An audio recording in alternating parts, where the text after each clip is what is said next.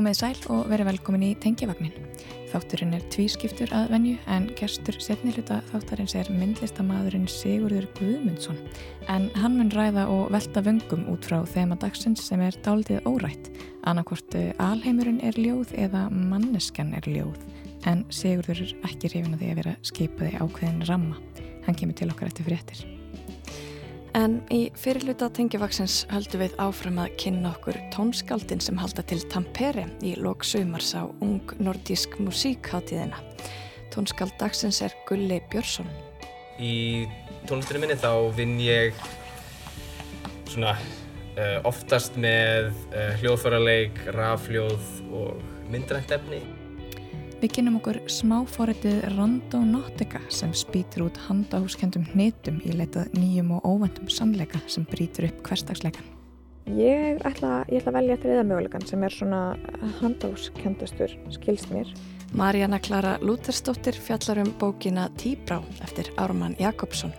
Eins og titillskaldsögunar vísar til er ekki allt sem sínist og höfundur villir okkur sín um stund. En við byrjum á pistli frá Ragnheiði Gíðu Jónsdóttur sem situr enn sem fastast í tengjavagninum. Í dag veldur hún meðal annars fyrir sér hvaða ræður litbrugðum mannkens.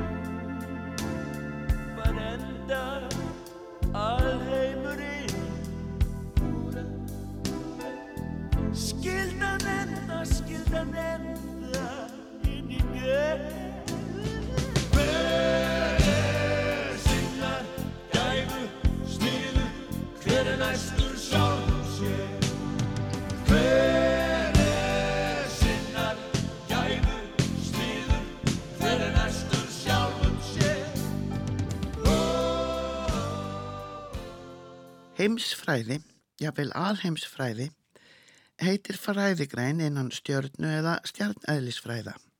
Heimsfræðingar fást við alheiminn, gerðans, þróun og örlög. Þeir geta ekki gert tilraunir á alheiminum en breyta gildum í útreikningum og gera samanburðaransóknir, mæla og reikna út það sem fyrir er. Áhugi mannkins á stjörnum, tunglum og sólum heimingeimsins er sennilega nánast jafn gamal tegundinni sjálfri. Fræðigreinin á rætur að rekja langt aftur í aldir og hafa margir, karlar og konur, fórnað lífi sínu fyrir mengtar rángar og trúlausar skoðanir og kenningar sem síðar reyndust hálri ettar. Ekki ætlar eðlisfræði auðli að reyna að útskýra málið frekar hlustendur góðir. Undir lok síðustu aldar og það sem af er þessari hafa orðið mikla framfærir í tækni og vísindum eins og menn vita. Þær gerðu alheimsfræðingu mögulegt að tilkynna ofinbellega að alheimurinn, tími, rúm og allt það efni sem í honum er, og þar á meðal í okkur, hefði orðið til í miklum kvelli fyrir tæpum 13,8 miljardum ára. Jörðin er talin fjóra og háls miljarda ára og miljardi ára síðar hafi kviknað hér líf. Jáfnveil nokkrum öldum fyrr. Um lífverur, dýr og plöntur má í stæstu dráttum segja. Þær hafa flókin og þrælslega skipurlögð efnaskipti og ægslast þannig að ákvæminn líkjast fóreldrum, jáfnveil forverum aftur í ættir. En eru þó ekki alveg eins. Þær breytingar sem verða millir kynnslóða geta verið arfgengar eða óarfgengar. Arfgengar breytingar og áhrif umhverfis breyta líferum í tímans rás þær þróast. Þetta ættum við jarðabúar að vita um okkur og heim okkar. Að því viðbættu að upplýsingar um eðli og útlitt hverjar líferu berast með erðaefnum til næstu kynnslóða. Allar líferur bera erðaefnið DNA en hugsanlega hefur fyrsta erðaefnið verið RNA. Kjartsýrur þessar eru margt líkar Nema RNA er óstöðugri, stökkbreytist oftar og hraðar. DNA tók við aðalhlutarkinu í fjölda lífera, meðal annars okkur, en ekki allra.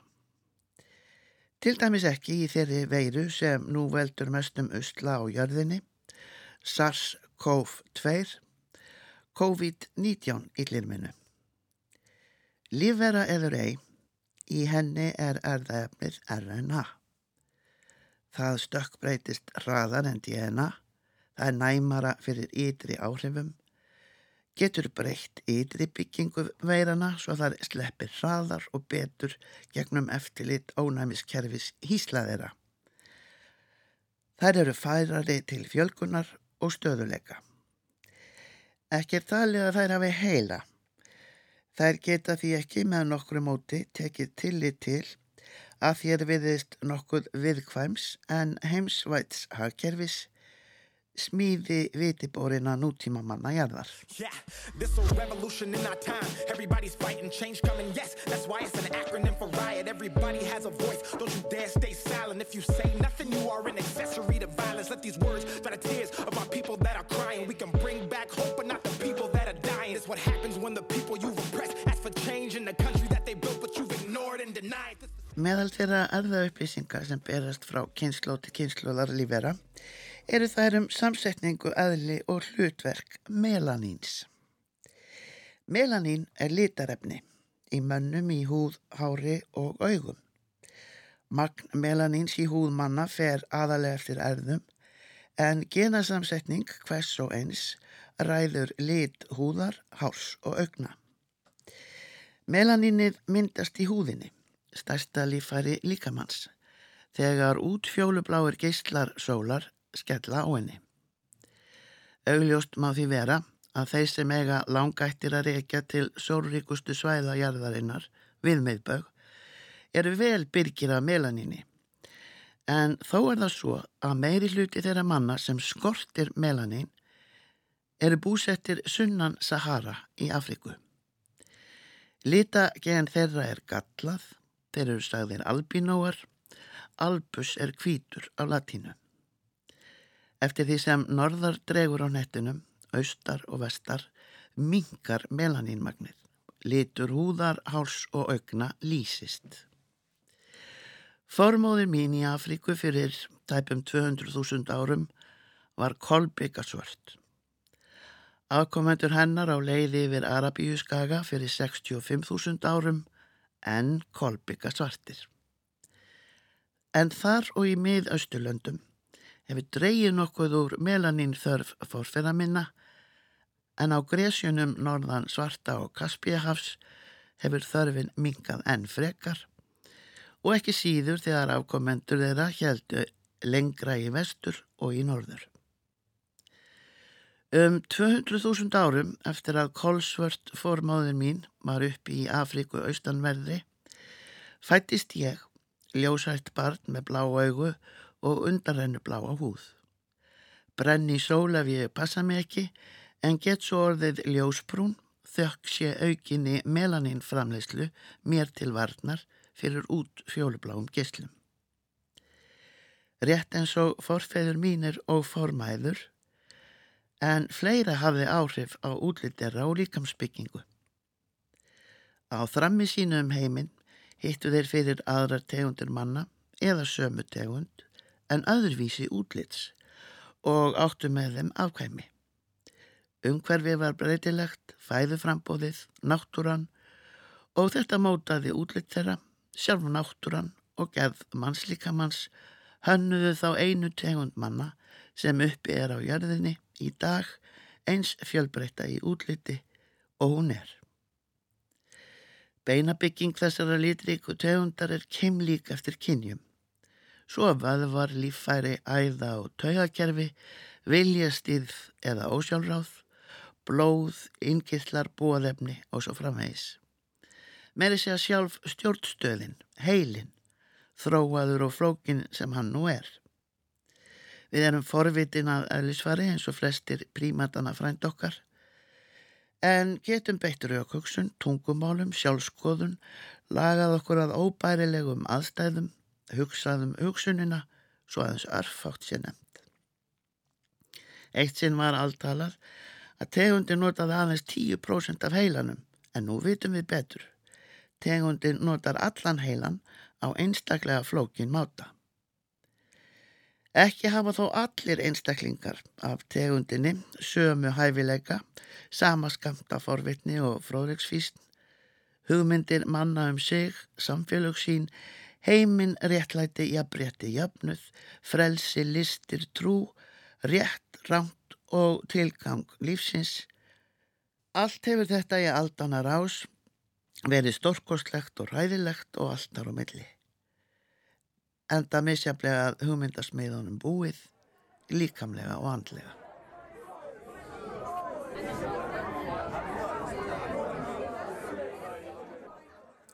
Á vísindavef Háskóla Ísland segir Agnar Helgason, lífræðilegur mannafræðingur, að sangvæmt rannsóknum sé meðalmunurinn á erðaefni manna 0,075%.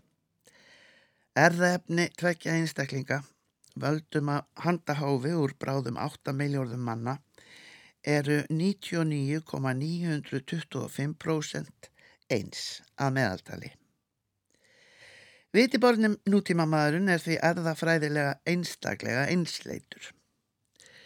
Munurinn á erðaefni náfrænda okkar simpansa er fjórum simunum meiri, eru þeir þó færri og búa allir á afmörkuðum svæðum í regnskóum Afríku. Þrátt fyrir erðafræðilega einsleitni mannana einbílna þó margir þeirra á útlitslega munin. Húðlitt, háralitt, andlitslag, líkamslugun.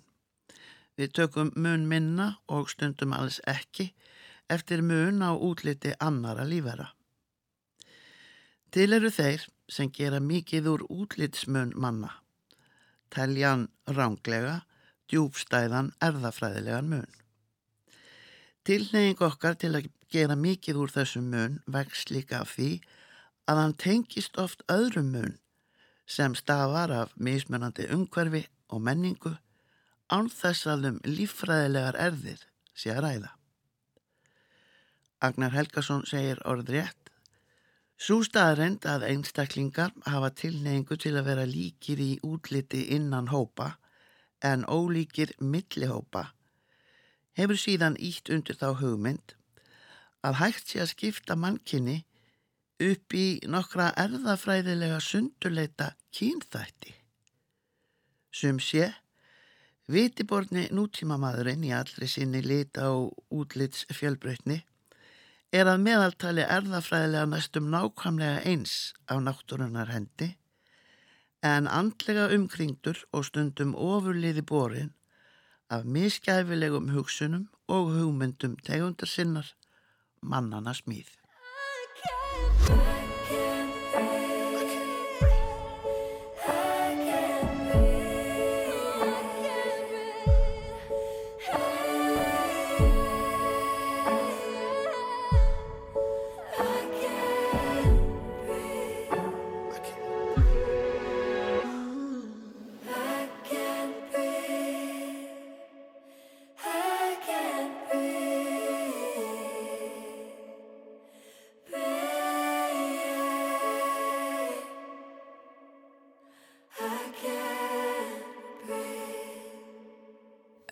Gíða Jónsdóttir flutti hér sinn þriðja pistilum Litróf Mannkins en hún heldur áfram vangaveltum sínum um þessi mál næstu tvær vikunar.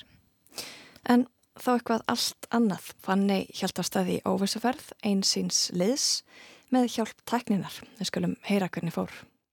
Ég rakst nýlega á grein um úlinga sem hefði verið að nota app sem ég hafði aldrei hýrtum. Smáfórit sem ber nafnið Randonautica og var orðið fréttnæmt fyrir þær sakir að það hefði leitt úlingana að líkamsleifum í ferðartösku. Það var nú ekki tilgangurinn samt, heldur spýtir forreitið út netum sem nótandina á að elda og þessir tiltakna úlingar hafðu bara verið óhefnir.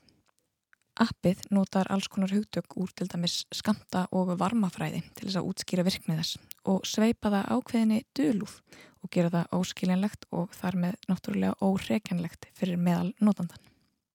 Hugmyndafræðin stiðst við kenningu um að hugsanir fólks geti haft áhrif á tækni og er notendum gert að velja ákveðin ásetning og hugsa stiftum hann á meðan hnitin eru reknuð út, svo að áfangastæðurinn litist af þeim ásetningi.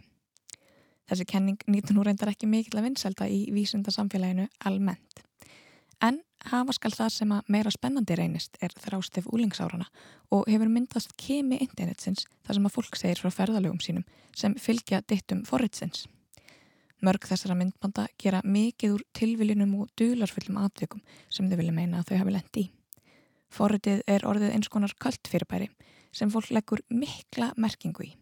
Sumir vilja meina að það geti breytt örlögum þess sem notar það og enn aðrir að það sé leið fyrir okkur til þess að aðtöga hvort við búum í síndarveruleika.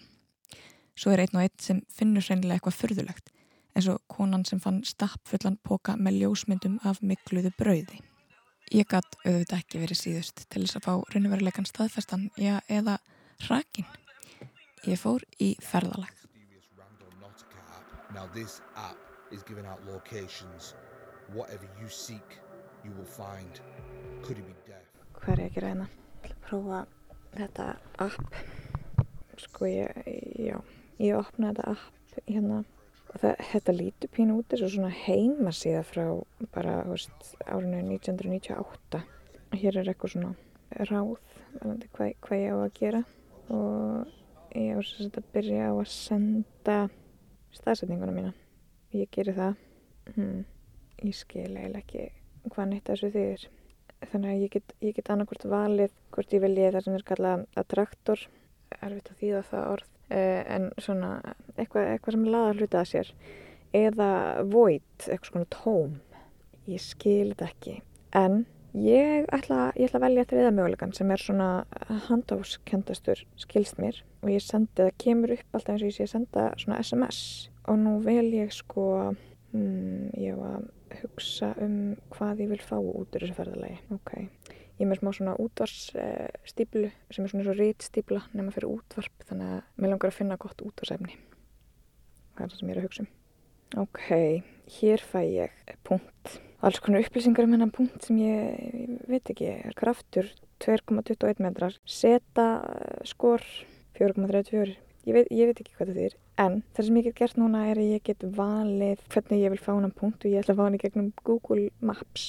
Ok, punkturinn minn er Kópavogs völlur emitt, lítið dula fullt það. Ég held að ég hef aldrei komið á Kópavogs völl ég ætla að prófa þetta. Nú við kennist það hér með að ég þarf að nota Google Maps innan bæjar því ég rata aldrei neitt. Starting route to Kópavogsvilla.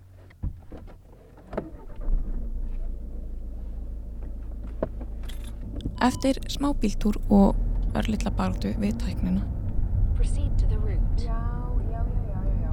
Heru, þú verður að slaka á sko. var ég komin á áfangastað. Ég er sem sagt hérna fyrir eh, framann Kópavóksvöll, Breiðablík, stendur allt í kringum mig, ég er undan lögð fyrir framann eh, skildi og þar eru myndir af eh, tveimur, ég vil reikna með þessu fótbollakonur, Hildur Þóra Hákonardóttir og Karolína Lea Vilhjálmsdóttir. Ég ætla, ég ætla að prófa að googla þessar konur og eftir, bara minni sjálf mig á það hér með. Appið hefur rétt fyrir sér með það að ég hef ekki komið hingað áður. Ég ætla, ég ætla þess að fara út bara og skoða málið. Ég ætla að taka sólglerugun af mér, maður er eins og hálfviti með sólglerugu og stór heyrnatól. Svo bjart. Jæja. Nú verður að forgangsraða lífinu og dag ætla ég ekki að líta út á svo hálfviti. Hér er, um, já ekki mikið. Það, það eru fótboltavellir, tómur fótboltavellir. Hér er verið að setja upp gerðingu, fólk að sækja börn og svona íþróttanámskeið. Ég ætla bara að labba hérna inn. Undir vennilegum kringumstæði myndi ég hika en ég er, ég er svo kjörfilega mert rúf að mér líður að svo setja kannski bara engin spurningamerki við það að ég sé hérna. Það er bara líka engin hérna til þess að setja spurningamerki við það. Ætla að kíkja hérna upp í stúkuna. Hér er ég ein. Hér er uh, hurð mert uh, einungis fyrir afreiks blika. Ég telst nú væntalega ekki til þeirra. Hér er líka engin inni. Það er samt svolítið skemmtilegt. Ég er svo, ég er svo hátt uppi. Ég horfi hérna yfir völlin. Þannig er uh, turnin. Hm. Hvar er útvarsagan sem að mér var lofa? Ég fór í sjálfsásökun var ásettingurinn kannski ekki nógu skýr eða nær skamtafræðin reynlega ekki yfir útvarpið? Jæja, það var nú ekki mikið hér svona spennandi þannig séð, þetta var alveg lífsnæsla. Útvarsefnið sem að ég óskaði mér svo heitt ekki, það er ekki hér, því miður, breyðablík. Ég ætla að fá upp næsta punkt. Nú ætla ég að velja tómið og um, það gekk ekki drúslega vel að óska eftir útvarsefni þannig að ég ætla að óska eftir... Uh, Ég ætla bara að óska eftir einhverju óvæntu, óvæntri ánægju, mér finnst þess að ég að taka það fram. Óvænt ánægja tó, í tóminu. Ég er að hugsa um óvænt ánægju á meðan þetta er reiknað út fyrir mig. Og... Ok, hér fæ ég upp uh, alls konar tölur aftur. Í þetta skipti er uh, seta skoruð mínustala. Ég veit ekki hvað það þýðir. Er það slæmt? Er það gott? Ég... Eða þýðir það kannski bara ekki neitt. Ég fann að hallast að því. Jæja, ég ætla, ég ætla að opna þetta í Maps og sjá 64.126. Ég með þetta er bara heima hjá okkur, regna heima. Jæja, ég ætla að kæra ánga. Ég var að gera það. Á meðan ég keiri á næsta stað ætla ég að segja ykkur frá Google-inu. Hildur Þóra og Karolína Lea eru sér sett báðar jú fótboltakonur fættar árið 2001. Hér er eitthvað svona íþróttatalfræði sem ég skil lítið í.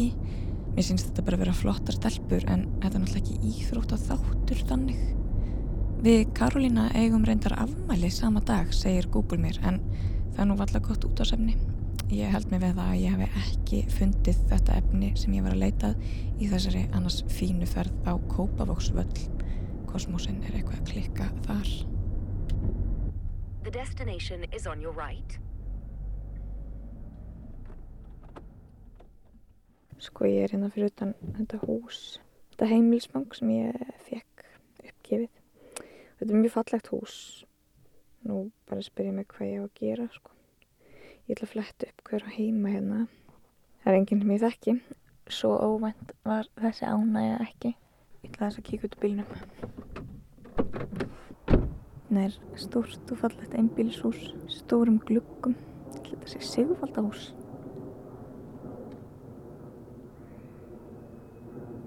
Það er enda svolítið skemmtilegt að sjá hér, eh, ekki það ég sé að stara inn um gluggana, eh, en, en það er greinilega svona einhver vinnustofa hér á neðri hæð húsins. Það er einhver listamæður sem býr hérna, en það er bara enginn hérna. Hvað er hérna á móti? Það er eitthvað svona skjöldur hérna. Er þetta sendiráð? Góð daginn. Akkurat þá gekk par út um aðrar dyr húsins. Ég var svo spennt að hitta loksins eitthvað að ég glemt að spyrja þau til naps. Ég vona að þetta indælis fólk sem var svo tilbúið að segja mér frá gödunu sinni fyrirgefi mér. Búið þið hér? Er sendiráð hérna á efri hæðinni? Konsulatið er hérna niðri. Já. Hva, hvað er konsulat? Konsulat er, er, er aðstóðar fólk uh, hérna sendiráðsins. Þetta er konsulat í... Ef það er ekki það er ekki sendiráð, sendiráð, þá er hérna- konsulat. Þetta er ræðismannskristofa. Ræðismannskristof á íslensku heitir það. Ég skil, ok. Ég er bara að kanna umhverfið. Ég er bara að sjá hvað ég finn forvitnilegt. Þannig. Já, og svo er ég að pæsti sendaherran, hann býr hérna bakvið. Býr hann hérna? Hann er bara að fer hús. hérna upp með húsunum. Hann er í gamla húsinu. Girt allt í kringum. Það sem Askenasi bjó og er var með stóran flottan tónleikasal. Það sem að hver bjóð segir Askenasi, Vladimir Askenasi. Pianisti til að byrja með og síðan stjórnandi. Stjórnaði mörg á symfóníunni. Já, sto stopnaði nú hérna menningarháttíðina, hann var nú frumöður á því, listahátti Reykjavíkur, hann var einn af stopnandi þeirra háttíðar. Fyrir ykkur sem komið að fjöllum er Vladimir Ashkenazi sem sagt píanisti og hljómsveitarstjóri. En hann giftist henni íslensku Þórunu Jóhannsdóttur og flutti hingað eitthvað tíman á bilinu 1960-1970. Google er ekki alveg sammála. Hann var stopnandi listaháttíðar og einn af þeim sem að börðust fyrir byggingu hörpu. Hann býr í Sviss eins og staðan er í dag. Einmitt. Er þið búin að búa hérna lengi? Já, við erum búin að búa hér í Frá 61. 61. Ja, Ég við við fluttum burt á millitíðinni, fóreldrar mínir og fóreldrar henni byggu hérna Hérna innar í göttunni. Þannig að við keftum svo húsi fyrir hvað, 30 árum? 30 árum. Já, hann flyttum við hingað aftur. Kynntist þið hérna í göttunni? Já, það má ég segja það. Það er skemmtilegt. Já. Askena sem byrj- byrjaði hér sko, bjó hér í nokkur ár. Og Svo byggði hann þarna á auðri lóð bakvið, eða tveimur lóðum, daldi mikið hús og flutti svo þangað og svo þegar hann hætti að búa í Íslandi þá seldi hann það bara. Vá, frábært. Herru, takk hérlega fyrir að segja mér frá hverfinu. Takk. Já. Jæja. Þetta var nú eitthvað.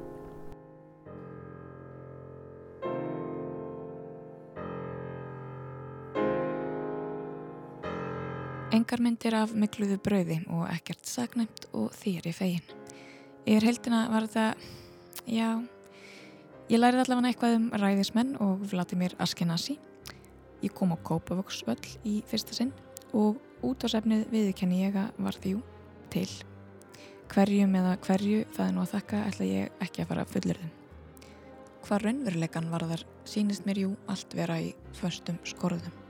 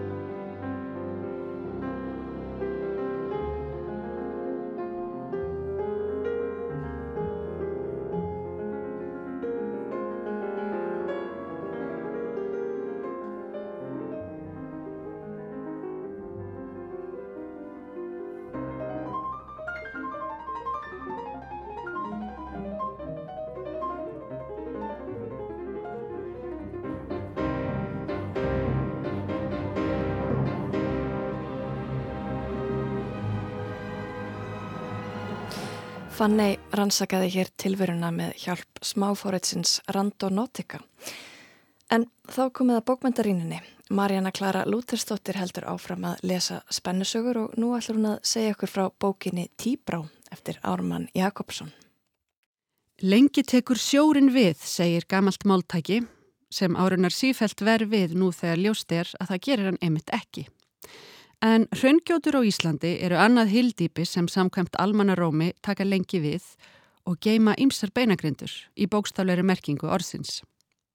Í tíbrá Ármanns Jakobssonar finnst lík í hraunsprungu en það hefði sjálfsagt aldrei fundist ef sérstakar aðstæður hefði ekki komið til og undirliggjandi er sá óþægilegi grunur að í hraungjótum landsins megi finna svör við ymsum óleistum gátum. Tíbrá er þriðja glæpasaga Ármanns sem hefur komið víða við í íslenskri bókmentaflóru en hann hefur skrifað fræðibækur, fagurbókmentir, barnabækur, sögulegar skáldsögur, reyfara og pisla.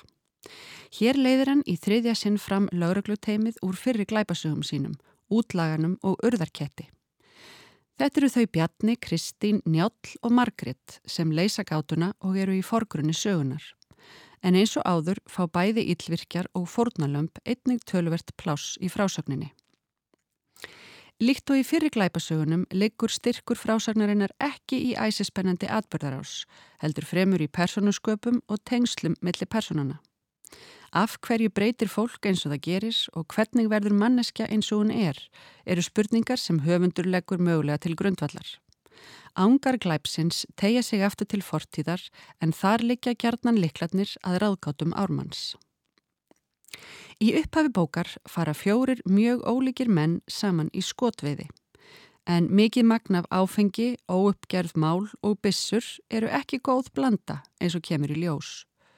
Guðmundur er sjálfskeipaður fóringi hópsins og vanasti veiðimaðurinn, en einnig sá druknasti og vanstiltasti. Elsti og besti vinur hans, Ágúst, er öllu róleri. Hann er leiðitamur og sein þreytur til vandræða. Hlær ekki að meðandi bröndurum vina síns en stöðvar þá ekki heldur. Daniel Máur Guðmundar er ólíklegur félagið þeirra, grannur og hlétrægur háskólakennari og allsengin veiðimaður. Sá fjóruði er Markus, ungur maður, fyrrum nefandi Daniels og nú hans besti vinur. Daniel og Markus eru jafn hóværir og lástemdir og Guðmundur er hávær og æstur. Meðan sá síðast nefndi drekkur eins og svampur og lætur öllum íllum látum, þeia hinir og virðast ætla að býða af sér stormin. En þegar drukkin og æst kona kemur skindilega inn í bústaðin, virðist óveður óumflegalegt. Hvað gerðist raunverulega í bústanum, en ekki síður af hverju gerðist það? Eru spurningar sem laurugluteimið þarf að svara. Helst áður en líkin fara að hrannast upp. Hér er morðið framið í fyrsta kaplanum og lesandin fær að fylgjast með verknæðinum frá upphafi til enda, svo allt verðist leikja ljóst fyrir. En eins og titillskaldsögunar vísar til er ekki allt sem sínist og höfundur villir okkur sín um stund. Ármann hefur haft þann háttin á að leifa lesandanum að kynnast lauruglufólkinu sínu smám saman eftir því sem sögunum fleitir fram.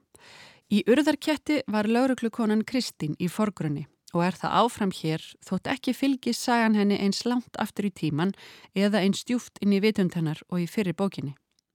Hér er kynnt aftur til sögunar hinn látna og góðsagnakjanda Þórhildur sem er eldri sýstir Margreðar og velgjörðarkona Kristínar.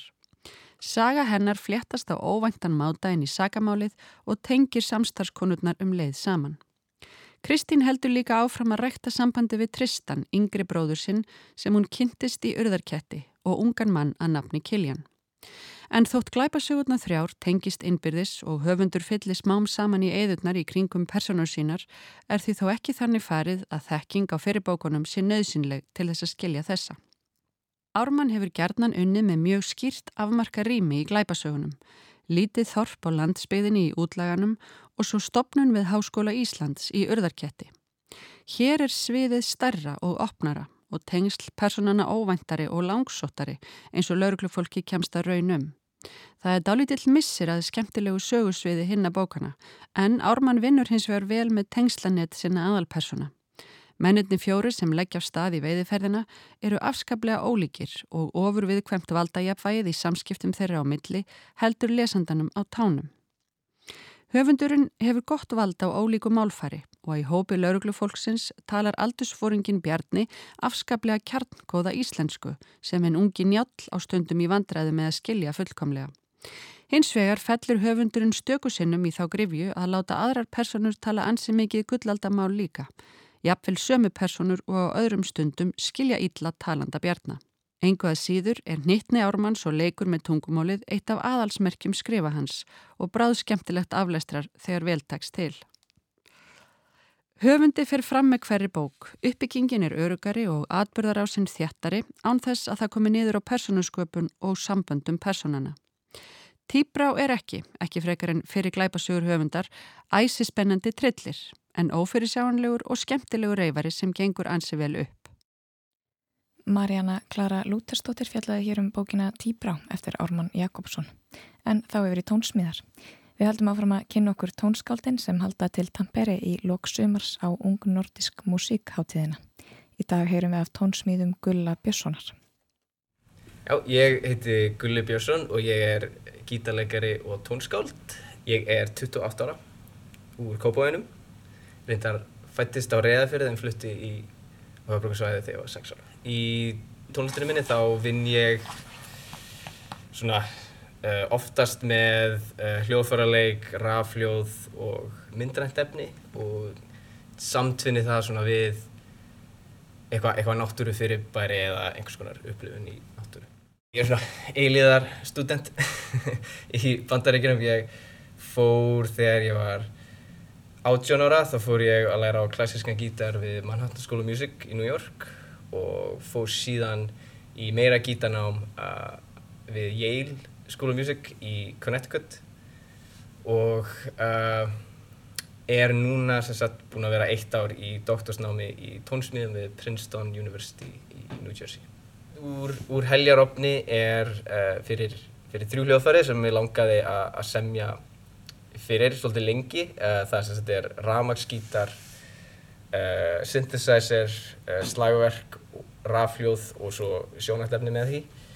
Um, og svona þegar ég var að, fykta við þessi hljóðfæri þá svona fannst mér að vera eitthvað svona, eitthvað svona djöfulegt og eitthvað svona, en samt rosa cool og svona mysterious hljóð og atmosfér sem maður getur fengið úr þessum hljóðfærum og, og ég tengdi þetta strax við einhvers konar eldfjöll og, og svona eldfjalla landslag. Uh, þannig að ég var bara svona að grúska á, á, á Google og leitaði einhverju svona til þess að lesa og eitthvað svona til þess að uh, inspæra mig og hérna, ég datt á ljóð eftir Eggert Ólafsson uh, sem að kallast Ferðarolla þar sem hann fer yfir um, svona lýsingar sínar á Heklufjalli og þetta er alveg ótrúlega merkilegt ljóð finnst mér að því að þetta er skrifað á forn íslensku þannig að það er svona svakalega dramatíst orðalag sem bara svona skilur en hálskilur ekki og mér fannst þetta bara tengjast ótrúlega vel við þessi þrjú hljóðfæri. Ég held að ég vilji bara að- tónlistinni sé sérstaklega eitthvað svona sem maður svona upplifir kannski minn meira heldur en maður sé að hugsa rosa mikið og hlusta ég, og mér finnst þegar að þetta er svona sett sama rétt við hérna konseptið sem að verki fjallar um þá getur það verið, verið mjög cool að svona stíga í einhvern svona heim sem veist, er hljóð og, og mynd einhvers konar upplifun í náttúru sem ég held allir geti tengt við. Já, ég reyni yfirleitt að að finna eitthvað svona konsept sem að ég svona skil ekki alveg við náttúru. Það er eitthvað svona, þú veist, ég veit ekki okkur um ég finnst þetta eh, vera merkilegt eða cool og eitthvað svona sem ég get hugsað um aftur og aftur og aftur og ekki alveg útskýrt uh, og uh, kannski tengist þetta líka eitthvað því að ég fór ungur til, til bandaríkjana og svo kem ég alltaf heim til Íslands á sumrin og það er alltaf fallegt hérna og maður svona uh, finnur mikinn innblástur hérna, úr, úr náttúru Íslands. Það er gaman sko að að hugsa um þetta því að mér finnst alltaf sko þe- þegar ég er á Íslandi búinn að vera hérna einhvern tíma þá veist, get, get ekki beðið eftir að fara aftur til Bandaríkina sko. Ég bara, þú veist, fastur á þessari eigi sko. Og svo þegar ég er í Bandaríkina þá er ég alltaf, ah, ég sakna Íslands og ég sakna, þú veist, fólkið mín er að sögumbúst upp í Skorradal og það er bara paradís fyrir mér og ég fæ svona nostalgíu mómenta sem ég bara wow, ok, ég vildi ég væri þar. Þannig að þetta er svona stöðu barátta sko, grasið er alltaf grænna hinum megin sko. Þannig að það er ágætt að flakka á milli svona regla. Ég, ég, ég orðin vanið því núna. Já, uh, það er verkið Bílur uh, sem að sem sagt ég samti fyrir uh, tónleika hjá ÖNM uh, Íslandi núna síðasta sumar. Það, eins og titillinn gefur til kynna, það er um, um, um bíl og svona storm en, en ég svona fundist þetta fyrir þessu á Íslandi, það er brjála rók úti en maður er veist, fastur inni og er örugur sko. Og þá svona er einhver svona tilfinning sem ég finn fyrir það sem að maður er maður er svona hrættuð það sem er úti en maður er samt líka svo örugur og svona svakalega uh, góð tilfinning sem samt svona tengir tvær andstæðir, hræðslu og, og öryggi.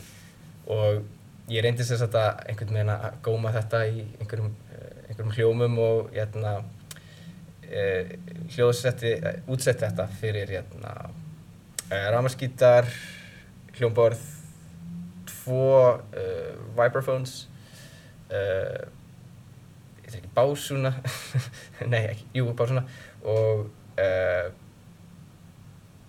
nei fagott heitir það á íslensku, ég er upplýst alltaf, ég er sem var að tala um alltaf á ennsku og hvað er mér í þessu, tvær flautur, fiðla og bassi.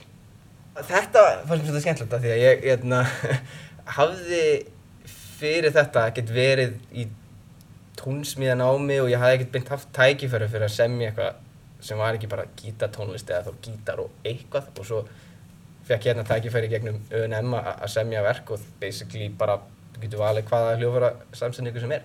Þannig að ég hugsaði mjög creative og ég var að hlusta svolítið mikið á John Luther Adams á þessum tíma og svona kannski rippaði einhver svona hljóðfærar samsetningu af honum úr einhverju verkan sem fannst cool og bætti svo inn, svo inn mínu sko. Uh, en annars var ég að hugsa bara svona hvernig þetta, mismunandi hljóð áferðir að timbre, hvernig þetta getur blandað saman og reyna að fá eitthvað svona svona aðeins öðruvísi en, en, en bara strengja kvartett eða blósturs hljóðfæra uh, samsetning. Ég, ég tengi rosa mikið við það sem þetta að spila stöf sjálfur sko, þótt að sé ekki endilega fyrir gítar bara svona að því að ég finnst einhvern veginn ég geta svona fundið fyrir því líkamannum, svona embody ja, hérna, hvað hva tónlistin er að gera og hvernig það er að spila uh, en það er bara svona eitthvað sem ég kannski ger í lokin þegar ég er ekki að semja sko. Ég yfirleitt byrja ég með einhver koncept og stundum er ég með býið til svona lítið tölvufórið sem að tekur einhverju svona minimalíska hljóma og pattern og býr til fullt af stöffi sem ég síðan nota til þess að vinna úr. Um, en ég held að ef maður semur bara á hljóðfærið sitt þá svona fellur maður í einhverja gildru sem er kannski ekki svo góða þú gera það sem hljóðfærið vil gera og það er kannski svona getur verið eitthvað, eitthvað svona last uh, á verkinu. Og, en sama held ég ef þú bara að vinna á nótunum því maður vil gera eitthvað sem er svaka symmetríst og, og cool sko en maður missir kannski tenginguna við það hvernig þetta er að hlusta á það eða hvernig það er að spila. Þannig ég reynir svona að finna balans á milli þess að tökja hluta. Ég er nú svona ráðlagt af nokkru kennurum mínum að við erum ekki alltaf að spila sjálfur þegar ég er með svona kammerstykki sko. En mér finnst bara svo gaman að spila og ég ólst upp uh, hérna í, í Kópói og tónskóla Kópói sem ég bara alltaf að spila tónleikum og hérna ég náttúrulega fóð síðan í mikið nám í gítar og það er partur af lífinu sem ég held ég geti bara aldrei mist tökina á sko, þú veist ég finn svona fyrir því ef ég ekki komið fram og spilað í svona, þú veist 6-7 mánuði kannski sem er svona lengsta sem ég farið þá er maður alveg bara, wow, maður er með eitthvað svona kláða og það er eitthvað ekki í lægi sko. Þannig að mér finnst mjög gaman að spila sjálfur og uh, kannski anstæðinu þar sem maður heldur þetta er svona minna stressandi líka. Stundum að vera bara partur af þessu sjálfur og spila heldur en að vera að hlusta og bara eitthvað, hvað er? Uh, það er verður gítarleikari sem spilar þetta fyrir mig og, og ég þarf að fara aðeins yfir þetta með, með tæknimönnunum bara hvernig og að setja þetta upp en ég reyni að gera þetta þannig að þetta er búið auðvelt sko og það bara setja upp allt og opna forritið og svo bara íta á eitt takka sko og svo fer þetta bara stað og hérna það er svona skeiðklukka sem að lætur alla þessar hljóðfærarleikara sem þeir sjá sko svona vera í syngi sko þannig að það sé ekki að fara ómikið í einu og hérna áttina.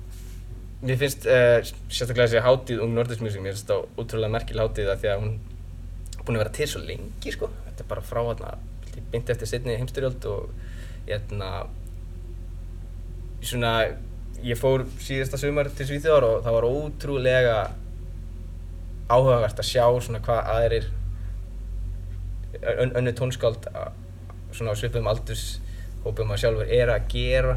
Þú veist, ég hef alltaf verið í bandaríkjum þarna voru eiginlega lang flestir í Skandinavíu eða Evrópu og svona annað væp og aðra pælingar og ég tók bara mjög mikið út af þessu en að fyrir utan það þetta var bara líka ógislega gaman.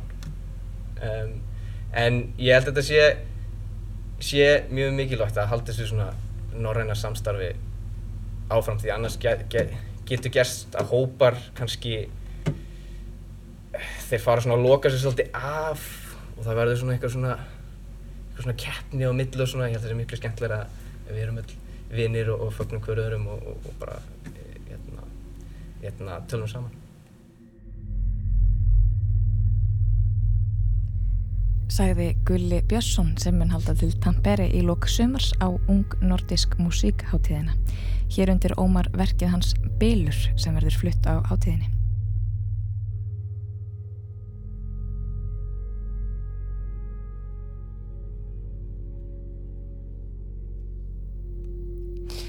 Við leifum verkinu Bil eftir Gulla Björnsson að óma út þennan fyrirluta tengjafaksins en við verum hér aftur eftir frettir og þá með myndlistarmanninum Sigurði Guðmundsinni sem ætlar þá að ræða um lífið og listsköpun út frá þemanu manneskennir ljóð eða alheimurinn er ljóð.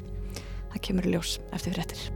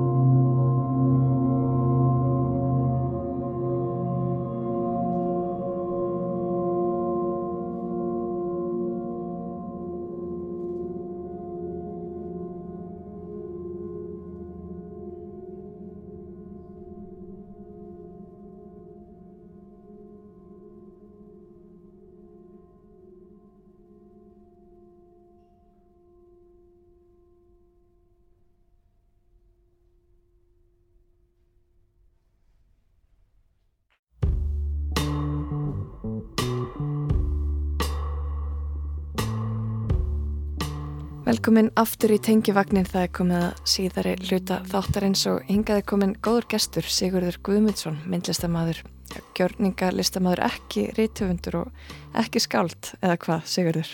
Jú, absolutt skáld og absolutt listamæður. Já, en ekki rítöfundur. Eh, Sko, ríthöfundur ég, í einu ljóði mínu uh, þar sem ég var uh, bæði karl og kona og svo menningar uh, hérna fennamann líka. Þrjú voru við.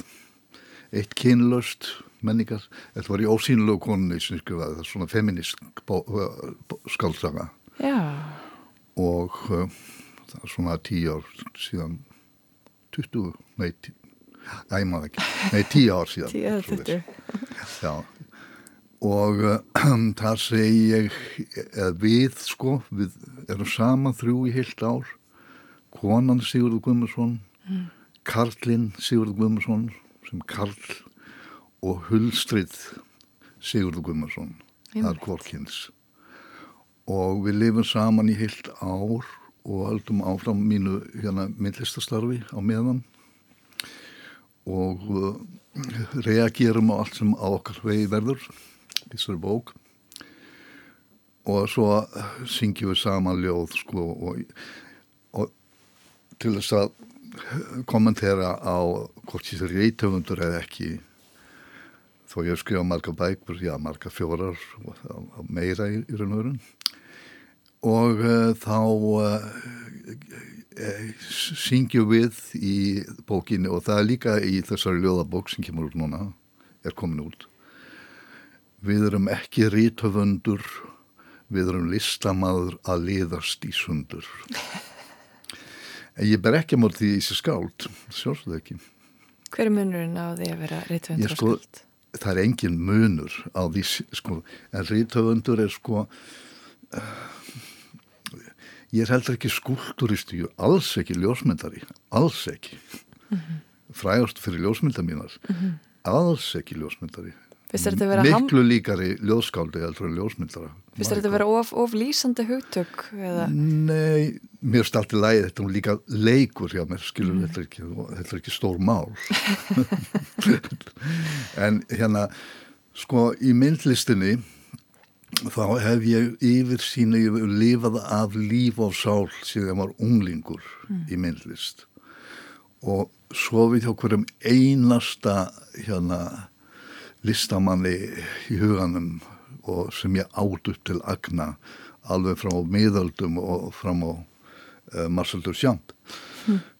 og uh, að því leiti er ég andlegur homoseksual þetta voru allt kallar Já. eiginlega allt kallar það var svo lítið af konum.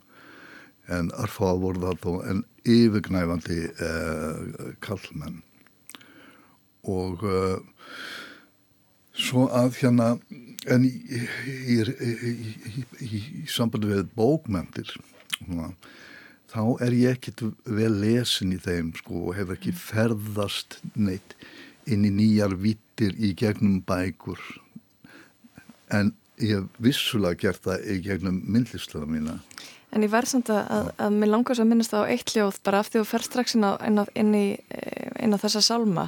Mm. Þú ert samt í allavega einu ljóði hérna mjög skýrt að vísa ljóði jafningar að vísa til Stein Steinars. Eða ekki? Og jafnvel kannski líka ekki Tómas takk með það nú, ég, ekki hef ég sko þekkingu á því eins og ný Nei, þetta kom bara þú, þú, Já, Já. Vísa, nei, þetta er hérna, þetta er tekið úr skálsumunum minni sem heitir Musa og þetta er moment sem ég upplifði og ég er þarna við hótelklukkan í, í Haikou, uh, á Hainan eigu í Kína að skrifa uh, Musu og uh, í eilífum krísum eins og bókinu full af því. Og þá uh, lít ég svona út um hótelklukkan, já. Og það hefur nú sko þessi pæling að um, að þú sétt helmingurinn af alheiminum. Mhm. hún er mm, svona semi-vísindaleg. Suma vísindamenn eru dálítið svona á þeim nótum hvort sem það er grínast með það ekki, ég veit það ekki.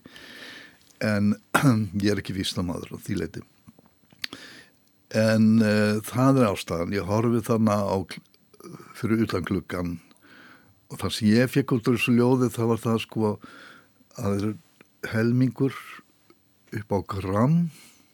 Mm. Helmingur alheim upp á gram þannig fyrir utan gluggan og svo hinum yfir gluggan er líka helmingur upp á gram um, og inn í þessum helmingi er allt sem til er. Og líka hinum sem fyrir gluggan alltaf og þetta er uh, þetta er kend sem ég er búin að ganga með uh, maðanum uh, sem uh, indikator af einhverju sem ég sækist eftir eða er Ég verði að fá að byggja um að lesa ljóðið fyrst að ég er með bókina hérna. Má ekki byggja um það? Jú. Jafningjar. Ég horfu út um hótelgluggan og hugsa. Þetta er allt þarna fyrir utan. Helmingur af alheiminum með allri gleðinu og allri sorginni. Nákvæmlega helmingur upp á gram og inni í þessum helmingi er allt sem til er. Ég er hinum megin við gluggan, hinn helmingurinn af alheiminum, með allri gleðinni og allri sorginni, nákvæmlega helmingur upp á gram og inn í mínum helmingi er allt sem til er. En helmingarnir hvorum sig eru aðeins til ef þeir ná saman, mynda eina hild, eina vitund. Einmitt. Og þetta er kent sem að þú svona, hefur verið að Já, vinna ég með. vinn vaða mikið með kendir sko og, og nálgun mín á, á til dæmis uh, músík er engöngu háð kendum. Ég er ekki með, sko, ég uh, hef ekki verið samstíga þróun uh, uh, nútíma komposisjónar og, og, og, og tónsmíða í mínu lífi. Bara gripið onni það svona og, og notið, sjálfsagt notið. Á meðan uh, myndlistathróa mín, það er ferðalag. Mhm. ég kemst ekki, ekki feti lengra heldur en að gera viðkomandi verk sem íti mér aðeins inn í nýri heim. Einmitt. það er ferðalagið. Slíkt ferðalag hef ég ekki haft með músikinni heldur gríp ég niður í hana sem neysluvöru sem neyslu hlut og uh, þá, þá er það kendin hver, hver, hversu geðhrif mín og áhrif, getur kallað það sentiment líka og allt Mhm. það hafa alveg gegnum sírt mig að því svo var ég hér einu sinni í efsta leili þar sem ég sitt nú fyrir kannski 15 ára með eitthvað svoleiðis í uh, útvarsviðtali við Rúf og þar átti ég að velja lög í, uh, hérna í viðtalið. Alveg svo þú baðst mig um. Og snakki til það. og þá, þá hérna þurfti ég ekki að hugsa lengi, lengi um því að ég nota þetta mótur sko. Hvar eru geðþrýfin dýfst og það var hásumar. Mm.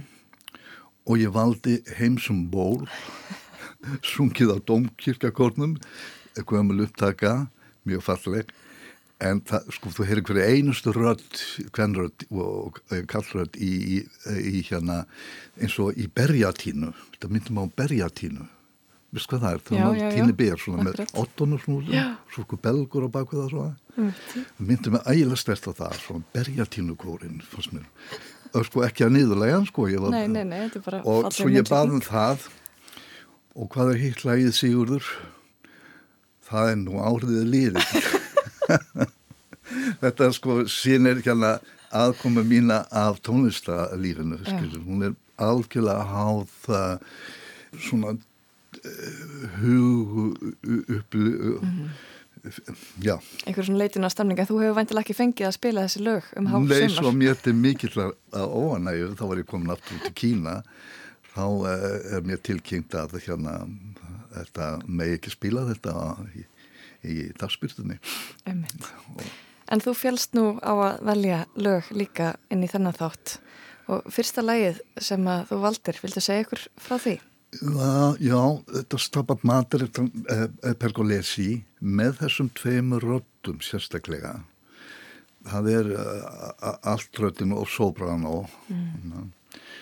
og uh, þessar hérna uh, pergolesi hefur alltaf sko verið í uppáhaldi á mér sérstaklega stabat matur fyrst mér alveg sko indislegt verk og leita oft þangað. Og svo er ég einnig núna á síningu sem ég mun gera á, hérna á næsta ári, um sumarið. Þá er eitt verka minna þar og það ég hef ákveðið að spila þessa músik með því verki. Merki þeitir á ennsku Come Back Muse kontu tilbaka andagifta musa. Og uh, það hefur, verið sínt áður þetta verk, ekki á Íslandi en uh, það er sko fast í Kína og svona og ég verð með enga síningu þannig að á næsta ár þóttu svona þóttu meknaða fulla enga síningu Hér á Íslandi eða úti? Hér á já. Íslandi. Já, Við skulum hlusta á lagið Stabat Mater með eh, sopran og allt rött.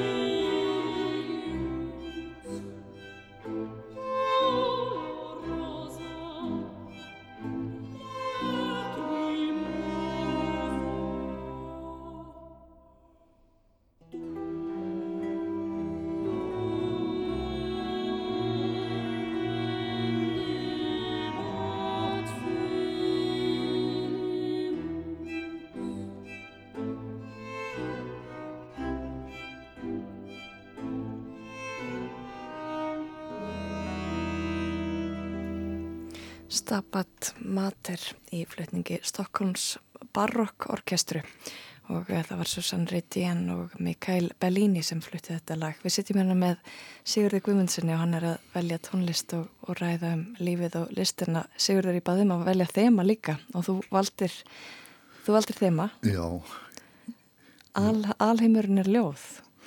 já, þetta er nú títillin á stóru síningunum minni sem er plönuð að opna á Djúbavagi í uh, miklu rými þar á uh, næsta ári minnast ég 17.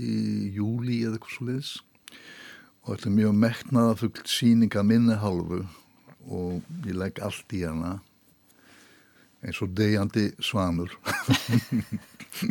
hérna Hva, hvað áttu við með þessu? Mér finnst þetta áhugavert. Þú, þú verðist vera svona listamæður sem sem að leggur þig, já, leggur þig svolítið að listinni. Hva, hvað gerir þessa síningu um, þannig að, að þú telur, telur hann sérstaklega metnaði fulla?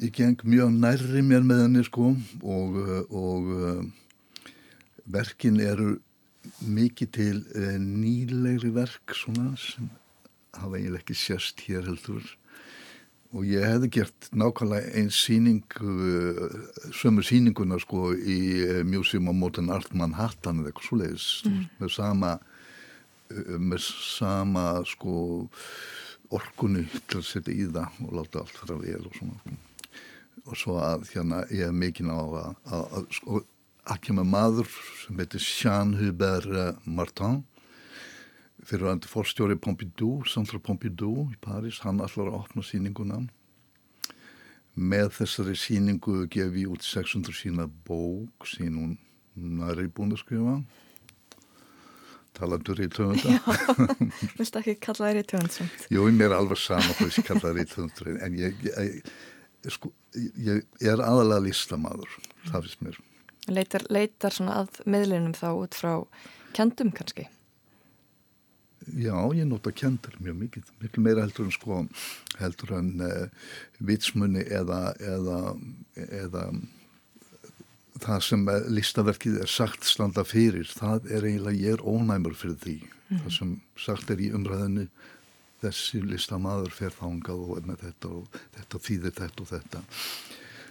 Ég kalla það meiningarbrjálaði og uh, ég orði einu svona ljóð sem var svona meiningarbrjálaðið gerir alla talentlausa líka guð ef hann er ekki lungu farin heim hvar eru svifkjarnanir sem okkur voru lofað í upphafi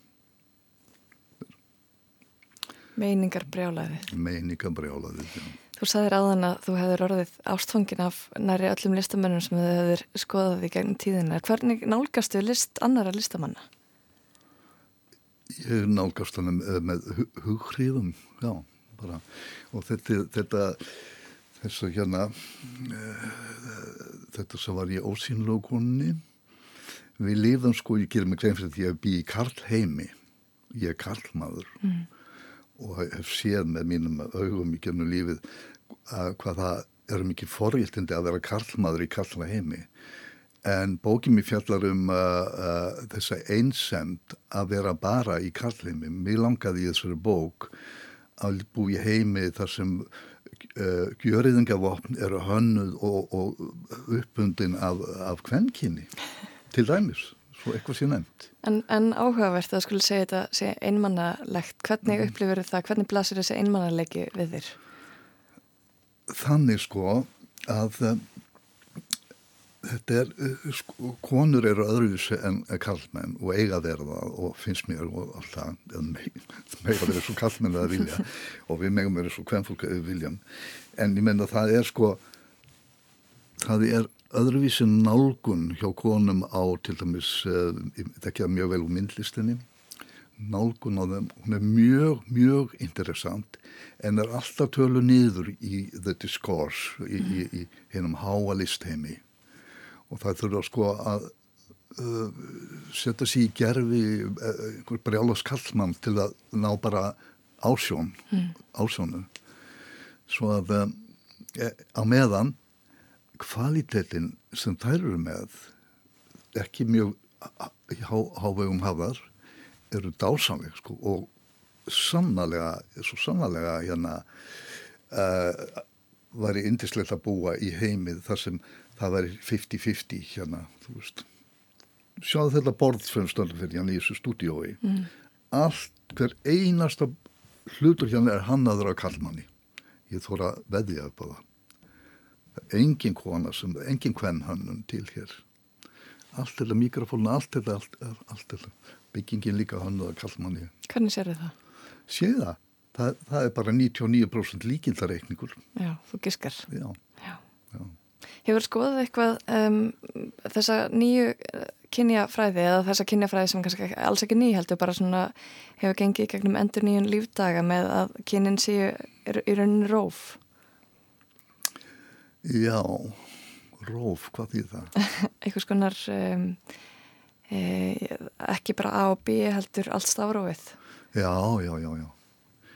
Nei, ég hef ekki, svo, ég þegar ég var að lesa hérna, ég átti alltaf áhuga á, á hérna feminisma, sérstaklega filosófskum heimsbygglegum feminisma, eins og Íri Garay og svona mm. algjört góð í mínum huga. og opnaði marga dyr fyrir mér allavega sem mannesku Nú, uh, mér það sko, mér það mjög flott að það sé róf, já, er, róf er það svona eitthvað sem, sem Já, er á einni stöng, einni spýtu, Já, við getum hugsað bara eins og lit, litbreyði. Já, já, litbriði, já, núans eða eitthvað. Já. Já. Ég bjóð til þegar ég var ungu strákur, þá bjóð ég til listaverk sem sínda mörgur stöðum í Európu. Eh, Þá var, það var hérna, ég kalla það einu ópoetíska nafni, Right Wrong Unit. Og það var skáhall flötur, skáhallstrík skorði í spýtuna svona, Mm. eins og sk- ská, eh, skámerki svona Já. alveg út af miðju og hinnum einn kom andstæðan og það er mynduðu svona X þegar það hittust í miðjunni sem ég fannst vera eitthvað óendanlegt þá sem ungu strákur kom svona. Og þá uh, var ég alveg samfærður um þá er en þá að rétt og ránt er á sömur spýtunni. Þetta er svo núans á milli Mhm. skilur nú er ég ekki líka rétt og röngu við Karl og það var nú takkið ekki svo Nei, þetta er svona tvíhyggjan. já, tvíhyggjan, já, já, já. en uh, ég hef mjög gaman af uh, mikla ánægja að lesa feminisma og svona kynnast uh, kynnast uh, þeim heimim betur En þetta er rétt og rangt og, og tvíhyggja tungumálsins er kannski eitthvað sem þú skoðar dálítið í ljóðunniðinu með þessi, þessi merking og merkingaleysa og, Já. og svona, já. um, en þú, þú, um, þú romantiserar dálítið íslenska tungu, þú yrkir ástarljóð til hennar. Já, ég hef lagst til sængurs með henni líka, sko, það er farið í einni bókinu minni. Já. Og uh, já, ég, ég allir persónu gera hann ekki, sko, eins og, eins og trúaða fólki gerir við Guðin sinn, Mhm. skiljum. Ég er ekki í þeim megin, sko,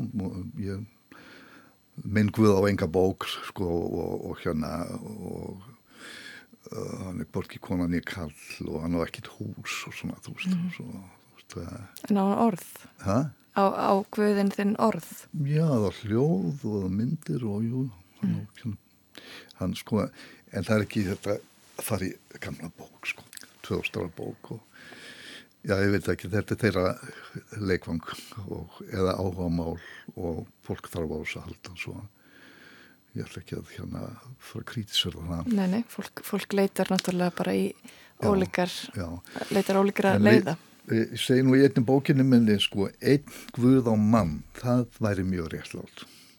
Það passa vel, vel, við mig, þetta einn, einn guð á mann. Svo sagt, e- ekki einn fyrir alla heldur, Já. einn fyrir, einn fyrir hvern og einn. bara pú, superpersónulegur Mm. eða persónuleg eða persónulegt. Mhm. Það myndi hérna, ég þetta er það þegar.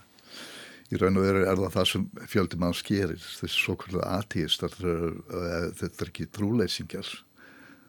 Þeir eru uh, flesti listamenn sem ég þekki, svona hardcore listamenn sem uh, uh, hérna, kallaður ateistar því þeir hérna fara, er ekki hérna neinu, neinu trúarhefingum Mm. og koma þangað aldrei og svona þeir eru að leita andanum sjálfsögðu og þeir elska hérna að- að finna lykt af því sem er stærri en þeir sjálfur auk þess auk þess er er það nú er ég konið út í guðfræðina maður þú vera að stoppa á Nei, nei, sko, ég leifir alveg að bara, að hérna auk þess er það þannig að uh, trúaða fólki vera stundum móðga þegar maður er að diskutera um þetta hérna guðdómana að uh, að maður sér að sé manngert skilur Mm. því að amerísku hérna kristnir þeir halda að Guð hafi fengið sér kúlupenna og skrifa biblíuna sko. En, en hérna Európa-kristnin gerir það nú ekki. En það er mjög, mjög algengt í listum að viðkomandi listamaður skapi verk sem er miklu dýbra og stærra en hann sjálfur þú, þú, þú ferð aðeins inn á svona þessar brautir í bókinniðinni, ljóð og ljóð og eflust Já. fyrir verkum líka. um, kannski sérstaklega í ljóðinu um, alheimurinn þar sem þú ert að velta fyrir þér hvort að, hvort að um, ef að alheimurinn er ljóð hvort að sé þá eitthvað skáldarna bakvið Já, já. er, ertu þá að, að svona bera saman um, hugmyndin um Guð og hugmyndin um listamannin Já, sko, þessi er titill, ég gerði nú skúltur með þessum titill út í Kína, sko, og þessum titill sem er The Universe is a Poem. Ég hef búin að gera marga performance að það sem uh, uh, það, hérna, manneskan er ljóð Mm. sem þú er með, sem, áskima það á titill þessu. Jú, akkurat, þemadagsins Já, þemadagsins sem mér finnst mjög eh, réttlætanlegt og, og, og bara nærið því sko lógist sjáðu til sko. Þú ert manneski og ég er manneski allir eru manneskjur. Allir eru ljóð. Hvernig var ljóðu, þetta ljóð búið til? Það er afleiðing ástar og ástar allóta Mm. hugsaðu þetta. Og það fer inn í eina veru bólnar þar út eins og frá náttúrunni frumar svona hmm, og svo ekslast um því að skipta sér í tvent elegant og beautiful Mm. og þannig kemur nýtt ljóð En hvað með, hvað með börnin sem eru búin til með einhverjum allt verum leiðum? Er þau ekki ljóð? Jó, sjálfsögðu er það eða sko sjálfsögðu, jú, jú, jú, jú það er náttúrulega sko foreldrarnir sem fari í, þeir vilja um, þetta barn þó að það sé ekki viðkent í, í hjá heilbæðismálaráðuneytunu í öllum heiminum sko, ráðuneytunum þá erum við, hérna getum við ekki þrifist án ástar Einmitt. við verðum að vera elskuð líka Er það, ekki, að- er það ekki að verða stærri og stærri svona, verða viðkendara í heiminum? það að er ekki, mér finnst það, já, það er tikk eftir því líka, já Já, svona grunn þarfir okkar. Já, það er hérna, það er sko, ást er fætt og alveg blind og svona, þú se- segir hérna gammalt íslenskt kvæði. En að, eh, mín kynni af ástinni er þá, og ástfengninni ekki síst, að hérna, það er í eina skipti sem þú sérð mjög skýrt því miður er ástfengnin svo mikið eitur að þú myndir deyja ef þú ert alltaf í henni þú hættir að borða á deyrð Mhm. En svo hérna en það er þá fyrst sem þú sérð sko mm, nýja lit og nýtt hljóð og svona taka allir eftir þessu Já. sem er það sko crazily ástfangnis svo getur það lítið úr þessu að hann er bara ástfangin eða eitthvað svona ó. Svífur um á bleiku já, já, já, hefur enga merkingu ekki fyrir svona, ekki mjög filosófist og svona ó, ó, ó. Þetta, ég hlæ inn, inn í mér en ég kommentar nú ekki á þetta já, já, nú er ég að segja þetta fyrir allt þjóð Já, þetta er svona, fólk, fólk hefur náttúrulega talað um ástarfíkn líka. já, Þá er það kannski fíknin í þetta ástand verið sko að svona já, sleppa, einhver- sleppa tökunum dálítið. Já, já. Alltaf, ég sé ekki sko, þetta er náttúrulega, þetta er mest spennandi, kannski, ég veit ekki hvernig að segja það, það er svona, þegar ég geng með hérna verks í maganum, ferli hjá mér er alltaf svona í hverjans, líka uh, lélegum verkum, sem síðan sé eftir á eða eitthvað svolítið. Það byrjar alltaf þannig að það byrjar í svona kend, svona eins og sér það er eitthvað svona einmannleika að gera sem er ekkit vondur Mm. svona freka bræðgótt ein, einmanna tilfinning og svo er hún að leita að einhverju svona til að hérna raungerast svona svo klessist hún á eitthvað og ú, æðislega gaman sko óskalum og þá er ég ekki byrjað að snerta verkið þá fyrir ég kannski að verði vitsunumar og alltaf hvað, hvað efnaði að vera eða eitthvað svoleiðis sko, Mm.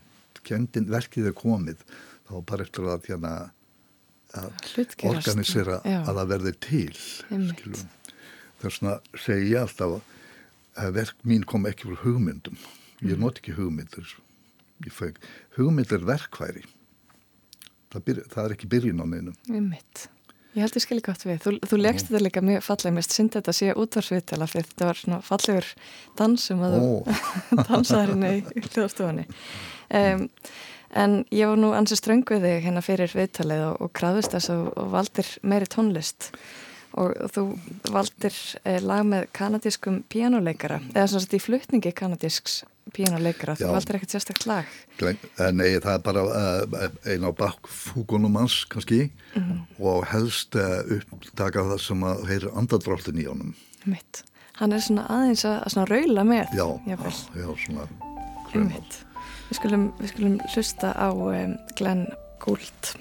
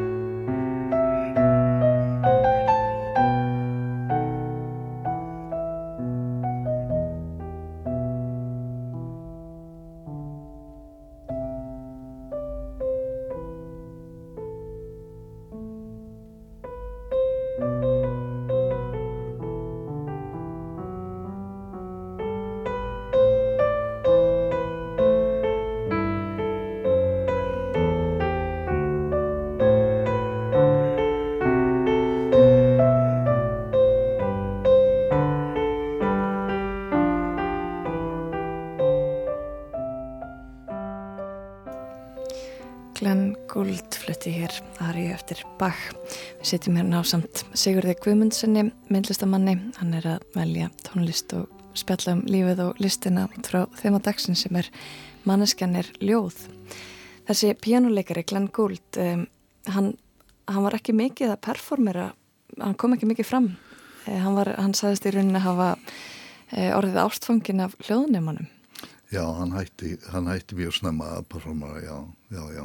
Svolítið, svolítið merkilegt Já. að einhvern veginn hann fannst bara best að geta einmitt andað í mikrofónin Já, og, já. sungið með og klift saman að og... svona upptökur á hann þar sem hann er í, í, í, í hérna eh, við vinnu sko sem, sem heimildamindir Já. hann var óbúslega magnaður maður listamaður. svona fyrir alltaf leiðina og sko hefði ekki alveg náttúrulega koncert uh, síðan í út um allan heim það. Mhm. En fer samt bara inn í, inn í stúdíóin og, gerir þetta þar og Já. gengur með vekkjum fram Hann kaus, kaus innveruna. greinilega, já Mm. mm. Hvernig kom Glenn Gould um, inn í þitt líf? Hvernig kynntistu honum? Ég kynntist hana bara e, gegnum uh, vínilplötur Mm. hérna, og, uh, og svo fór ég að kynna mér hann og, og svona þú veist og kaupa uh, meira og ég held ég hef kipt allt sem til var til sölu eftir hann. Og, öllum mínum heimilum var að spila þur sko bara eins og, eins og bara svo að væri með okkur sko.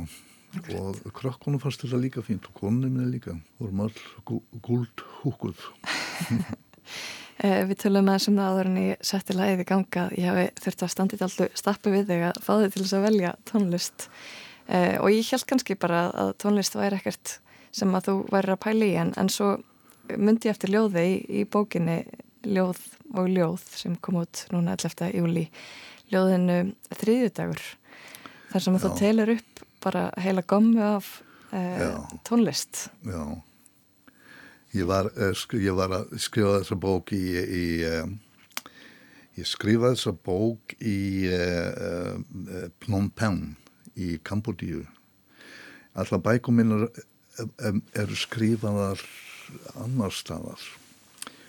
Og ok, rítöfundunum Sigurður Guðmursson ég er búin að segja þetta áður í viðtali hann er sko algjör snirtipinni og hann er mjög disiplinaraður og hann smakar ekki áfengi, ekki ögnaði sko og fyrir alls í partíðan eins og þess, já, balla einhverja móttökur kannski, ég veit um það nema það hann eh, hérna er mjög ólíkur Sigur Guðmundssoni myndlistamanni sem er mjög mikil samkvæmis vera og og, og fyrst gott að fá sér í glas og stöldu meirinn gott.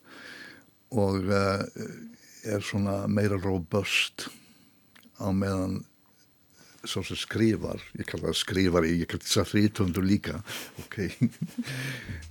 Hérna hann uh, skal ég segja þér uh, er mjög hann verður að lifa sko, skrifir alltaf í hótelum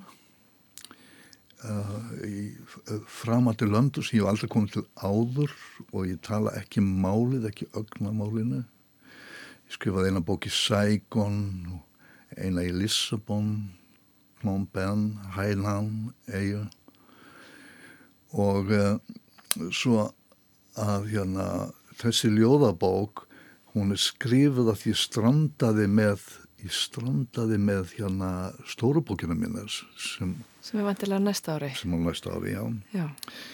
Og, og þá uh, fór ég að, ofverskur maður sko, að hérna skrifa þessa ljóðabók og tók ljóð út úr uh, mínum fyrir skálsögum breytin títli, gaf þið nýjan títil og svona, mm stendur hún alltaf bláu síðan Einmitt, Yf Klæn bláu eftirmála. Já, Yf Klæn bláu eftirmála, já, veit.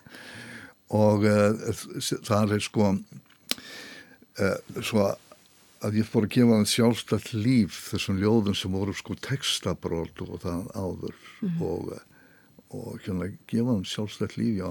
Svo þegar ég var búin að þessu eða vinni þessu þá sagði ég, ja, ég er nú hérna í Phnom Penh og það er alltaf hallærislegt að vera að hérna ekkert ljóð kemur hérna svo ég orti nokkur ljóð þannig sem mm þar á stannu alltaf og eitt sem er spesiál fyrir Phnom Penh.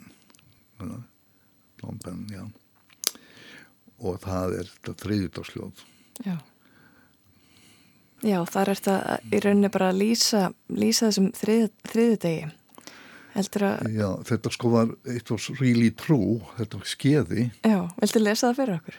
Ég var vondur að lesa þetta hérna, að sérstaklega hérna uh, nafnum það er svona spænskir kjana, en sko ég ég upplifaði öll hana all, allt þetta fólk. Ekki persónlega en svona þriðjudagur heitir ljóðið síðdegi skanga pastörgata Phnom Penh ég allt í hennu komin inn í pianobúð tilviljun sem ekki er til Verslunin yfirfull af fliklum. Yamaha, Steinway&Sons, Pleiel, Schimmel, Apollo, Kawai, Beckstein, Bössendurfer, Blüthner, Fascioli, Stuart Sons. Hljóðfærarhyfning, lotning, auðmíkt. Verkværi andans, faratæki ódöðleira mistarverka.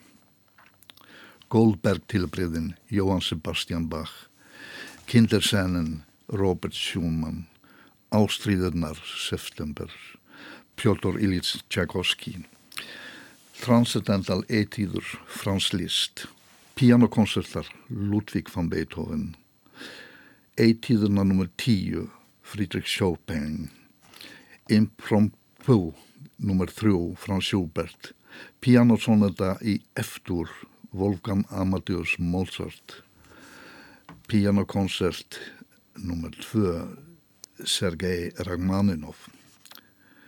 Fliklanir býða, óþólumóður eftir músik.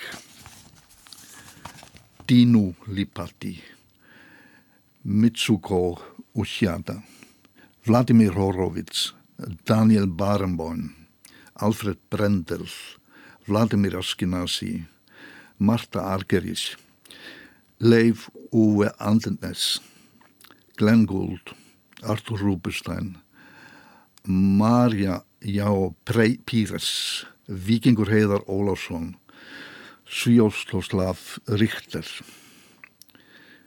Flíil, Snerting, Mjútstrók með löngutöng, Píanostól, Hæð, Fjarlægð, Stilt. Sest, læt hendur mínar, svífa rétt fyrir ofan óknaborðið. Hendur mínar eru lánshendur frá sénjum, lifandi og látnum. Unaðsleg músik best frá einu flíklinum, hinn hljóðfærin öfanda hann. Smám saman flæði músikinn yfir rýmið, starfsfólkið þögult gengur eins og í sefni af flíklinum með lokuð augu. Dyr og glukkar opnast, músikinn flæður út úr versluninni, út á götu, pastjörgötu. Fólk streymir að, búðin fyllist, fólk streymir að, gatan stíplast, fólk streymir að, hliðargötu stíplast, fólk streymir að, hverfið stíplast. Lánsendur mínar halda áfram að spila hvert mistarverkið af öðrum. Heili minn er músik heili, hjarta mitt er músik hjarta. Lögreglan byrtist og setur upp senditæki í búðinni sem útvarpa músikinu til þjóðarinnar. Með aðstóð hersins er Sianómi konungur, kongur mættur með drotningu sinni Norodom Móinnið. Þau kreppa nefa hægri handa með þumalfingur sem vísa til lofs í átt af fliklinum. Öll þjóðin hlustar á útsendinguna. Vinna hefur lagst niður. Konungurinn heyrst segja við undirmenn að á morgun miðugudag sé frídagur fyrir alla þjóðina. Og þetta var þriðdagur í, í borginni. Þetta var þriðdagur. Þetta, sko, þetta er hérna, ég er svona í minn sköpunarferðli þá ger ekki svo mikið greinamun á þessum svo kallar raunveruleika og fiksjón sko. Mm. En það, að ég upplifi fiksjónu sem raunveruleika, ég er þann, ég var í þessari búð mm. Og ég dáðist á flíklónum og, og hérna ég snerti það líka svona sko eins og það var bara ó, og hvuðleg lotning skilur og svo klætti ég þá í þetta fekk landsendur frá síðan hjá hann og bara held áfram og slæði alla borgina og kongurinn kemur og drottningin og löggan setur upp sendurtæki og, og frítagutægin eftir. Happy end happy end þú ert aldrei mikið að velta fyrir þér um, lík, sagt, kannski, já, líkama og anda og, og svona skilum þar á milli og, og flæði og, og svona ja, andin skiptist í, í konu, kall og ímislegt fleira innra með þér og svo getur þau fengið landshendur frá mesturunum og já, já. þú ert ykkur svona alheims flæði Ég er svona alveg super gender uh, case að hérna, já, ég finn stert fyrir uh, kvenlega í sjálfum mér og svona og, og hérna svo dæmis ég nefnd en ég líka fyrir stert fyrir uh, þessu mái í sjálfum fugglinum máur, máur, svona síkó. Þú finnir fyrir honum í þér? Já, ég þarf alltaf að ég þarf alltaf að sjá sjóin til að vakna. Já Bínu sem betur fyrir sex af, nei, fimm af sex heimilum mínum hafa sjó og bara alveg við uh, húsið. Eitt er inn í skóum í síðu sko og það er þáttið bíltur að fara sjóin Já, Hvern, En- hvernig upplifir það að vera inn í skói þá? Mm, já. Jú, ég lært maður alveg að hafa það. Ég held ég kompensera það með að hlusta mikið á músík eða eitthvað svo veis Ég velta þessu fyrir mér, ég vatt samræðu við einmitt vini mína frá Norðurlöndunum um, um sko tilfinninguna að, að vera örugur af því ég sjálf uppalinn á Íslandi upplifi örugið í því að hafa sjóntildarhingin á meðan sænskir og norskir vini mínir hafa talað um sko örugið sem fælst í því að vera inn í skógi. Já, þetta er svona já, alveg fyrir öfugt. Já, hvernig upplifir þú, hver er þú örugur ég er örgari við sjóin við sjóin? Já, eða sko ég skil alveg fyrir að minna öryggist tilfinningu og allt það. Mhm. ég nærist á þanglikt mm. þurfti að fara núna fyrir þetta viðtal. Kerði alveg já, ofur hraða út á gróttu til að fá mér þanglíktina til að safna energi fyrir þetta viðtal okkar hér núna.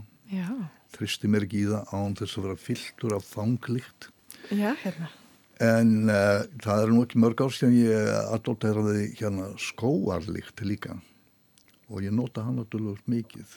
Hvað áhrif hefur hún á þig? hún hefur uh, uh, það er eins og hún hafi ekki áhrif á, á, á ekki andan minn í mér sko heldur meira svona kannski uh, ég sem kjöt eða sem hold.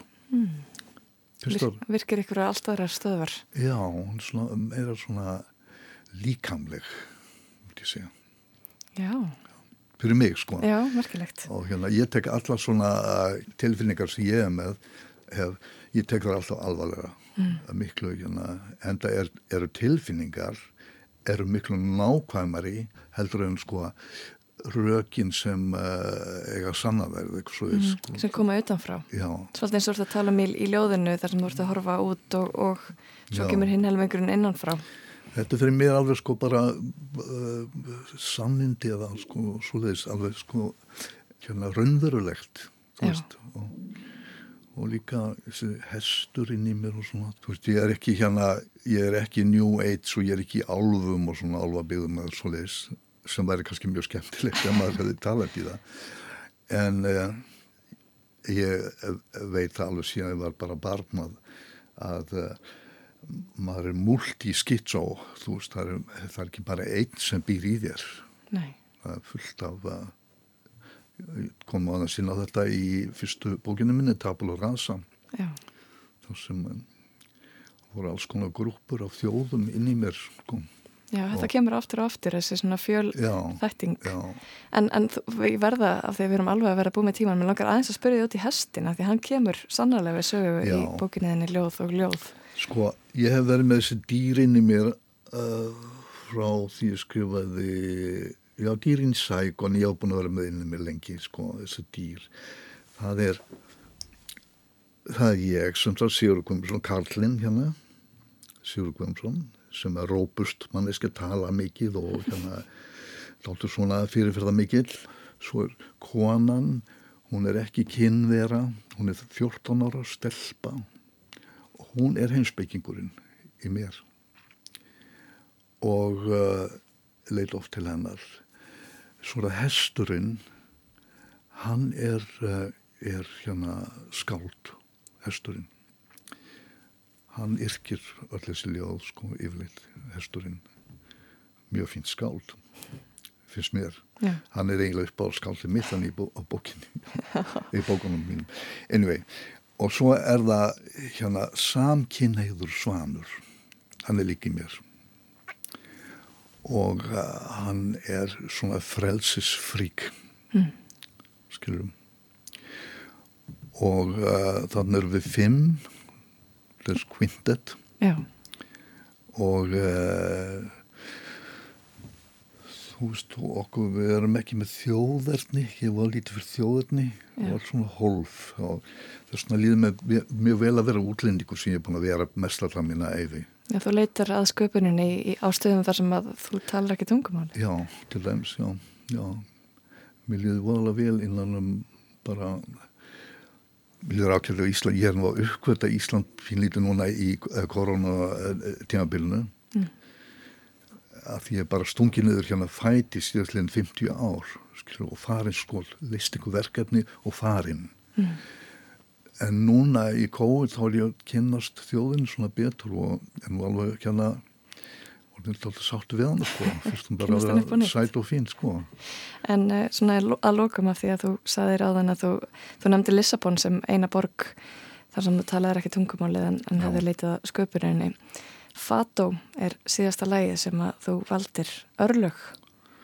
Já, Fato eh, náður í hana hérna uh, Rodríguez Já, Rodríguez. Ok, Sko, ég, uh, þegar ég var að skrifa bókinu mína Tabla Rasa, fyrsta bókin sem ég eh, 92 þá eh, var ég svo heppin að hitta uh, ég bjó í miðri Lissabon svo heppin að hitta um, specialista í Fato, Víslamann hann organiserði fyrir mig Real Fato það eru rónanir sjálfur og undumálsfólkið Mm. sjálf það var sko dásamlegt alveg sko.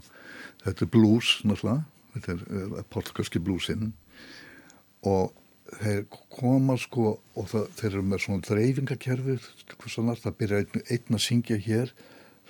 Kemur einn svona halt og svona timbraður eða fullu sko. Og tónar við hann og svo kemur annar og það er einhvern með gítar kannski svona og þetta er sko beautiful, beautiful, beautiful. Þetta er svona spilað af tilfinningunni. já, já, það verður til skilur en hún uh, Maria uh, Rodríguez uh, ég man ekki hvort það heitir. Maria Amalia Rodríguez. já, Amalia, já, Maria Amalia já, já. Hún uh, var nú uh, langt besta þessum fatósöngurum síðan fór það að jazz þetta pínlítið og svona, það passar ekki í svona melankólskan uh, blues. Örlaga blues. Örlaga blues, já. Sigurður Guðmundsson, við náðum ekkert að tala um djúbavog og móma sem að þú Já, lagt fyrir þar já, en, en, eh, það býður, það- uh, það mun ske. Það mun Já. það mun gerast. Við skulum, við býðum bara spennt og, og Sigurður Guðmundsson, kæra þakki fyrir komuna í tengjavagnin, við endum vagnin í dag á Amalia Rodríguez Fato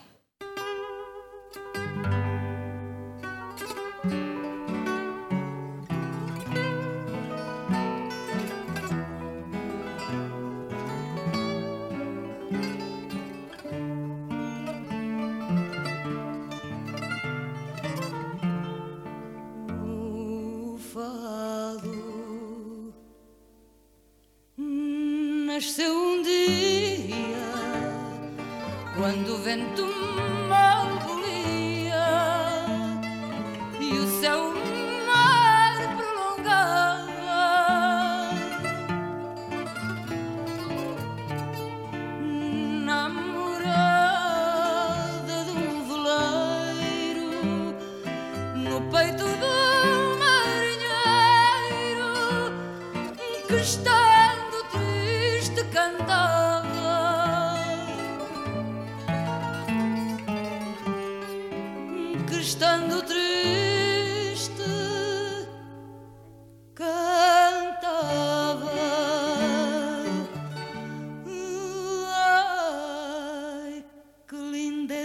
Tamanha meu chão, meu monte, meu vale de folhas, flores, frutas de ouro. Vê se vês